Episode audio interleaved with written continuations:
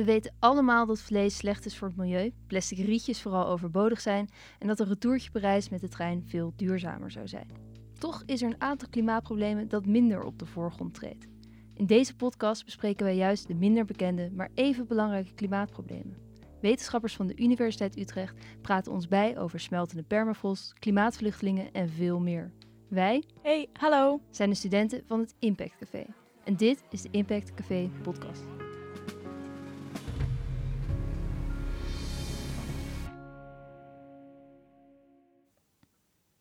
Er pruttelt en borrelt een onderbelicht klimaatprobleem onder onze eigen voeten. Een kwart van al het land op het noordelijk halfrond is namelijk aan het dooien. Deze grond is permafrost en ligt voor het grootste deel in Siberië, Canada en Alaska. En die permafrost lijkt minder permanent te bevroren te zijn dan je zou denken. Met name in Siberië dooit de bevroren grond in een rap tempo. En als tientallen meters diepe permafrost dooit, dan heeft dat gevolgen. Zichtbare gevolgen. Steden zakken weg, er ontstaan enorme kraters en verdwaalde mammoetslagtanden duiken op in deze oergrond. Een harde realiteit voor de mensen die in verzonken huizen op het platteland van Siberië ontvluchten. Toch sluipt er een meer onzichtbare vijand in de dooiende grond. Gas. De dooiende permafrost laat zien waar het eigenlijk uit bestaat.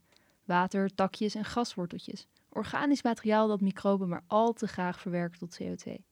Ook ontsnapt er methaan en lachgas uit de dikke laaggrond. Wat voor gevolgen heeft de dooiende permafrost voor klimaatverandering? Waarom blijkt dit probleem onderbelicht? En kunnen we de mammoeten terugbrengen à la Jurassic Park om het tij te keren?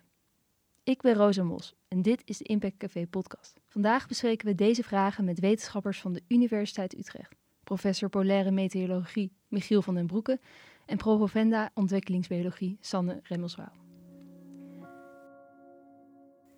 Michiel, welkom. Jij bent polair meteoroloog, verbonden aan de beta-faculteit van de Universiteit Utrecht. Kan jij ons vertellen, wat is permafrost eigenlijk precies? Permafrost is bevroren bodem. Ook in Nederland kan de bodem bevriezen. Als het, uh, zoals een paar weken geleden, erg koud wordt in Nederland, dan bevriest de bodem tot een diepte van 10 tot 20 centimeter typisch en wordt dan ook uh, keihard. Uh, het enige verschil met permafrost is dat we permafrost, daar eisen we van dat het minstens twee jaar bevroren is geweest. Maar dat is eigenlijk het enige wat permafrost onderscheidt van de bevroren bodem in Nederland. En in permafrostgebieden vind je dus bevroren bodem tot wel enkele meters, tientallen, soms wel honderden meters diepte. Afhankelijk van uh, hoe koud het in dat gebied is. En waar vinden we die permafrost? Permafrost is veel uitgebreider dan veel mensen denken. Een kwart van het landoppervlak in het noordelijk halfrond uh, bestaat uit permafrost. Niet continue permafrost. Soms uh, heb je hier en daar een stukje, maar een kwart van het landoppervlak op het noordelijk halfrond noemen we permafrost. En dat betekent dat grote delen van Alaska, Canada, Groenland en Siberië vooral bestaan uit permafrost. Ja, en als we kijken naar Siberië, um, dat was afgelopen zomer ook een beetje in de nieuws. We zagen ontzettend veel branden, hoge temperaturen. Is het normaal dat dat gebeurt in de zomer in Siberië? Siberië heeft een extreem klimaat met hele koude winters en warme zomers. Uh, de wintertemperaturen kunnen wel 40 tot 50 graden onder nul zijn. Het is daar niks bijzonders. Maar de zomers zijn ook heel warm. Het kan daar ook makkelijk 30 graden worden. En wat uh, bijzonder was van afgelopen jaar is dat het, uh, de winter relatief mild is verlopen in Siberië. En dat ook het voorjaar extreem warm is geweest. En dat betekent dat de sneeuw die de permafrost normaal gesproken bedekt al heel vroeg in het jaar was gesmolten. Waardoor de wa het water wat zich normaal gesproken boven de permafrost bevindt, het ontdooiende gedeelte van de permafrost, dat kon ook verdampen.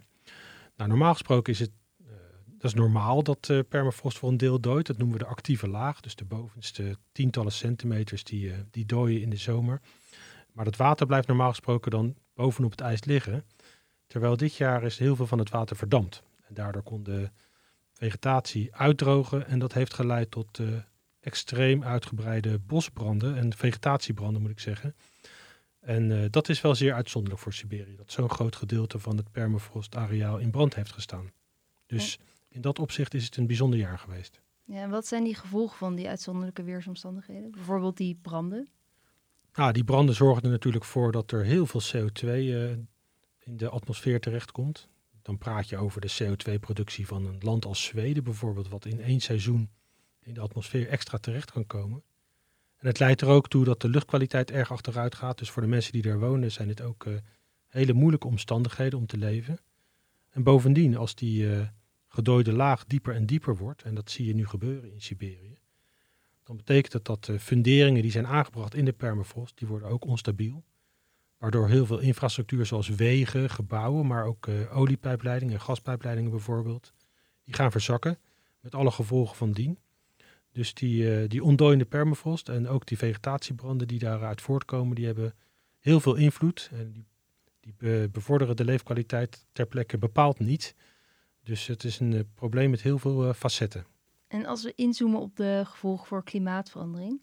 Je had het net al over CO2-uitstoot. Wat maakt dat de permafrost mogelijk zo'n probleem vormt in het kader van klimaatverandering?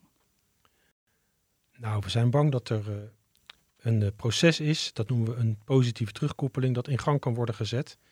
Namelijk dat het Arktisch gebied, wat al sterker opwarmt dan de rest van de aarde, uh, door die opwarming dat er meer permafrost gaat ontdooien. Daardoor wordt de biologische activiteit neemt toe in de bovenste laag van de permafrost. En is de angst dat er nog meer CO2 in de atmosfeer terechtkomt en ook methaan en lachgas. Dus behalve die vegetatiebranden zijn het ook de biologische processen die extra broeikasgassen in de atmosfeer brengen. Nou, die zorgen natuurlijk weer voor extra opwarming, waardoor het proces zichzelf versterkt. En die positieve terugkoppeling, uh, daar maken we ons uh, natuurlijk zorgen om, want we willen niet dat het broeikaseffect zich nog sneller gaat ontwikkelen dan nu al het geval is. En dat die CO2-concentraties nog sneller stijgen dan nu het geval is. Sterker nog, we willen eigenlijk dat ze weer gaan dalen. En daar helpt dit natuurlijk niet bij. Nee, dat kan ik me heel goed voorstellen. Um, het klinkt wel als een heel serieus probleem wat je nu zo schetst. Waarom wordt er zo weinig over gepraat, denk je? Ja, dat is een goede vraag. Ik denk dat het uh, vooral te maken heeft dat het voor veel mensen toch een beetje een ver van hun bedshow is. Siberië ligt natuurlijk erg ver van het westen af. Maar ik denk dat het onterecht is. Het zou net als het smelten van het uh, ijs, het zeeijs en het landijs, het stijgen van de zeespiegel, het voorkomen van uh, droge, droge periodes en uh, ook extreme regenval, zou ook de vegetatiebranden in Siberië en het smelten van de permafrost onze, onze volle aandacht moeten hebben. Want het is een van de problemen die we alleen met een mondiale aanpak kunnen oplossen. Een serieus probleem. Dat roept de vraag op of er ook al serieuze oplossingen zijn. Een van de meer bijzondere oplossingen is in ieder geval de herintroductie van megafauna, zoals dat zo mooi heet. De Russische wetenschapper Nikita Nivalna verhuisde met zijn familie naar Siberië om daar onderzoek te doen naar de dooiende permafrost. En hij nam mee Kalmukische koeien, bisons uit Alaska en Yakutische paarden. Met deze dieren wilde hij niet alleen herbivoren terugbrengen, maar vooral de tijd. In het Pleistoceen bestond Siberië namelijk uit graslanden, niet uit donkere taiga-bossen. En deze herbivoren vormen misschien wel de sleutel tot een terugkeren van de gassteppen. Ze eten tonnen vegetatie en spelen een cruciale rol in de bemesting van de grond, zodat er gas kan groeien. De gedachte is als volgt: als de grassteppen terugkeert, kunnen we de dooiing wellicht enigszins tegenhouden. Deze grote dieren stampen namelijk in de winter de sneeuw aan, waardoor temperaturen stabieler blijven. En de grassteppen zelf reflecteert warm zonlicht beter dan de donkere bossen. Michiel, het klinkt als een iets wat bijzonder plan. Is dit uh, reëel? Is dit de oplossing uh, om het tijd te keren? Nou, als wetenschapper spreekt dit soort onderzoek mij enorm aan. Het is heel creatief en het is origineel. En je probeert door middel en met hulp van de natuur bepaalde problemen op te lossen. En uh, wat deze onderzoeker uh, ambieert, is het uh, de reflectiviteit van het aardoppervlak verhogen door de vegetatie te veranderen. Door het toelaten van enorme grazers in dit gebied. En dat spreekt natuurlijk enorm tot de verbeelding. Dat zou lokaal ook zeker wel effect kunnen hebben.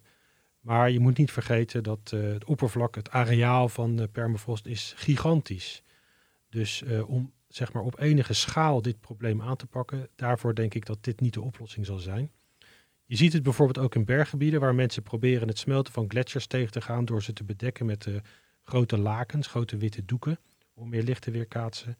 En ook daarvoor geldt dat mensen er al snel achter komen dat het eigenlijk te weinig is en te laat om, om het probleem uh, aan te pakken. En dat geldt eigenlijk ook voor het ontdooien van de permafrost. Ik denk dat het nu te laat is voor dit soort uh, lokale of regionale oplossingen. En dat de enige manier om dit probleem een halt toe te roepen, toch mondiale afspraken zijn om de uitstoot van broeikasgassen te verminderen. En zodoende dus de opwarming van het klimaat en ook de opwarming van het Arktisch gebied te beperken. Een charmante oplossing, maar we hebben nog wat Parijsakkoorden nodig om te bereiken, als ik het zo hoor. Inderdaad. Als we dan toch even terugkijken naar die oplossing van de herintroductie van megafauna, dan blijken bizons, paarden en koeien niet genoeg om de permafrost te redden. Toch denkt de Russische wetenschapper, die Nikita Navalna, dat hij nog een troef heeft. Als we nou eens een mammoet hadden die de grond aanstampt, tonnen gras per dag eet en de bomen met gemak met de grond gelijk maakte. Dat is precies wat een onderzoeksgroep van Harvard dacht. Die zijn nu bezig met het maken van een hybride mammoet. Een kruising tussen de Aziatische olifant en mammoet. De eerste mammoet gaat naar Siberië, is al beloofd. Maar wanneer is dat? En hoe creëer je eigenlijk een mammoet? We vragen het aan Sanne Remmelswaal, promoverend ontwikkelingsbioloog aan de Universiteit Utrecht. Sanne, van harte welkom. Ehm, het terugbrengen van de mammoet klinkt vrij bijzonder en het heeft ook een uh, hoog Jurassic Park gehalte, als ik het zo mag zeggen. Wat is de wetenschappelijke sleutel tot het creëren van een hybride mammoet?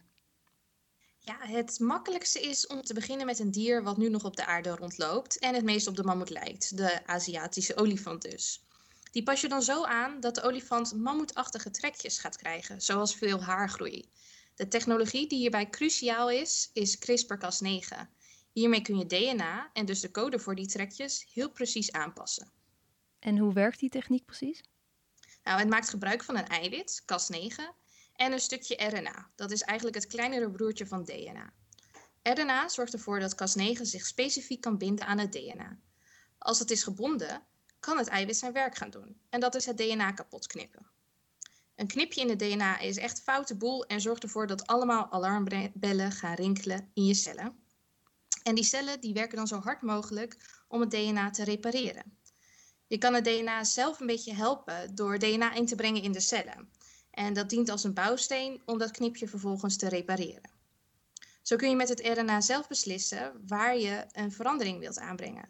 En met het stukje DNA hoe dat dan wordt veranderd.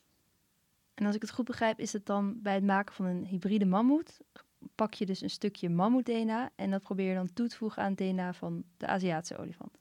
Ja, je vervangt een stukje Aziatische olifant-DNA voor een stukje mammoet-DNA. Oké, en waarom hebben ze eigenlijk voor de Aziatische olifant gekozen? We hebben bijvoorbeeld ook de Afrikaanse olifant. Lijken die uh, zo ontzettend veel op elkaar? Ja, ze hebben het DNA van de mammoet hebben ze vergeleken met die van andere olifanten. En ze zijn erachter gekomen dat de mammoet het meest gemeen heeft met de Aziatische olifant. Ja, maar toch, als ik even heel stiekem snel terugdenk aan de plaatjes van de mammoet in mijn oude bioboeken, dan uh, zien mammoet er toch wel echt heel anders uit dan olifanten. Ehm, in mijn herinnering zijn ze heel groot en hebben ze een soort, soort vacht.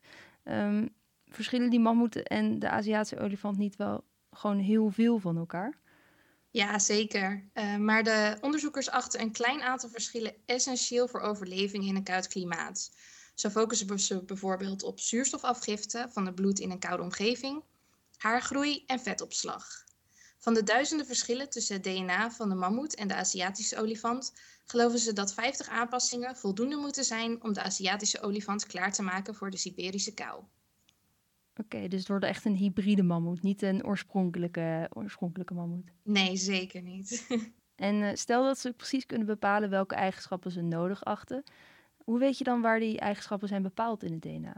Ja, dit vind ik echt een uitdaging. Er zitten miljoenen verschillen in het DNA van de mammoet en de Aziatische olifant. En ja, hoe kom je dan achter welke het gewenste effect hebben op bijvoorbeeld haargroei of zuurstof? Gelukkig hebben we al uh, cellen al kunnen veranderen zodat ze een ander soort cellen worden. En de onderzoekers groeien cellen uit de Aziatische olifant en maken daar bijvoorbeeld bloedcellen of haarcellen van. Van die haarcellen passen ze het DNA aan en kijken ze wat die aanpassing voor effect hebben op de, bijvoorbeeld de dikte van het haar.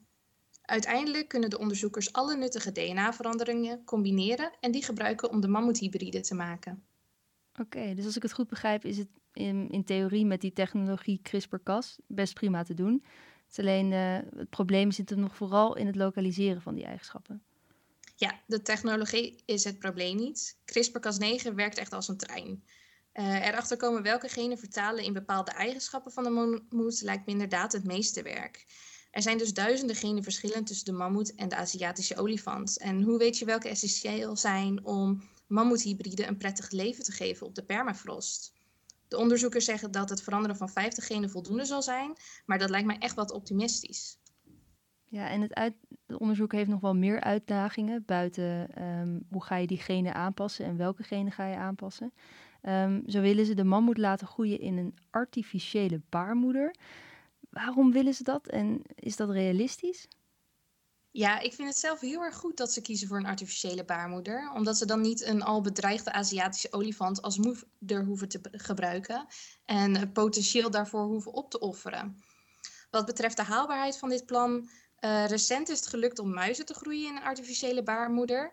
Maar muizen hebben maar een draagtijd van ongeveer twee weken en ze wegen ook niet zoveel. Olifanten zijn daarentegen wel twee jaar zwanger en beginnen net zoals wij als een hele kleine eicel, maar ze groeien uit tot een dier van wel 100 kilo bij de geboorte. Dat is een gigantische verandering en dat moet zo'n artificiële baarmoeder moet er maar gewoon tegen bestand zijn. Voor die gigagroei moet je ook nog eens voldoende voer, uh, voedingsstoffen en zuurstof aanleveren. En de moeder die levert ook nog bijvoorbeeld hormonen die in afwisselende hoeveelheden gedurende zwangerschap nodig zijn voor de baby. Dat moet je allemaal artificieel uh, reguleren en dat is best een flink werkje. Het lijkt mij erg hoog gegrepen. Het klinkt zo mooi, de mammoet terugbrengen. Um, als jij kijkt naar de uitdaging die dit onderzoek nog moet overwinnen, wanneer gaan we dan de eerste hybride mammoet zien? Is dat over tien jaar? Ja, tien jaar lijkt me wel echt te kort. En twintig jaar vind ik uh, nogal hoopvol. Het heeft al heel erg lang geduurd voordat we een klein meisje konden groeien in een artificiële baarmoeder. Dus laat staan een uh, mammoet. Oké, dus het onderzoek klinkt terecht nog vrij futuristisch. Jazeker, ja. Oké, en er is eigenlijk nog een belangrijke vraag die we niet hebben besproken. Um, en dat gaat niet zozeer over of we de mammoet kunnen terugbrengen, maar of we dat ook moeten willen. Is het goed om uitgestorven dieren terug te brengen en op deze manier? Ja, ethisch uh, oogpunt kun je inderdaad heel veel afvragen over dit onderzoek. Wij staan zelf aan de oorsprong van de versnelde klimaatverandering en willen we daarvoor een dier terugbrengen om dat voor ons op te lossen? Dat dier is niet voor niets uitgestorven en zal met veranderde klimaat waarschijnlijk extra zwaar krijgen. Ook weet je niet wat de mammoet allemaal voor eigenschappen nodig heeft om te overleven in de kou. Dit onderzoek focust vooral op vetopslag, haargroei en zuurstofwisseling. Maar wat als een hybride mammoet hele kleine voeten heeft en ze de hele tijd uitglijden op de permafrost? Het is best wel sneu om zo'n beest terug te brengen, terwijl we niet weten of ze wel bestand zijn tegen klimaatverandering bijvoorbeeld. De onderzoekers bepalen nu hoe goed ze kunnen leven in hun milieu en niet via jaren van evolutie. Dat is vragen om problemen wat betreft het welzijn van deze mammoethybriden. En als laatste vind ik ook nog, wat voor een signaal geeft dit af?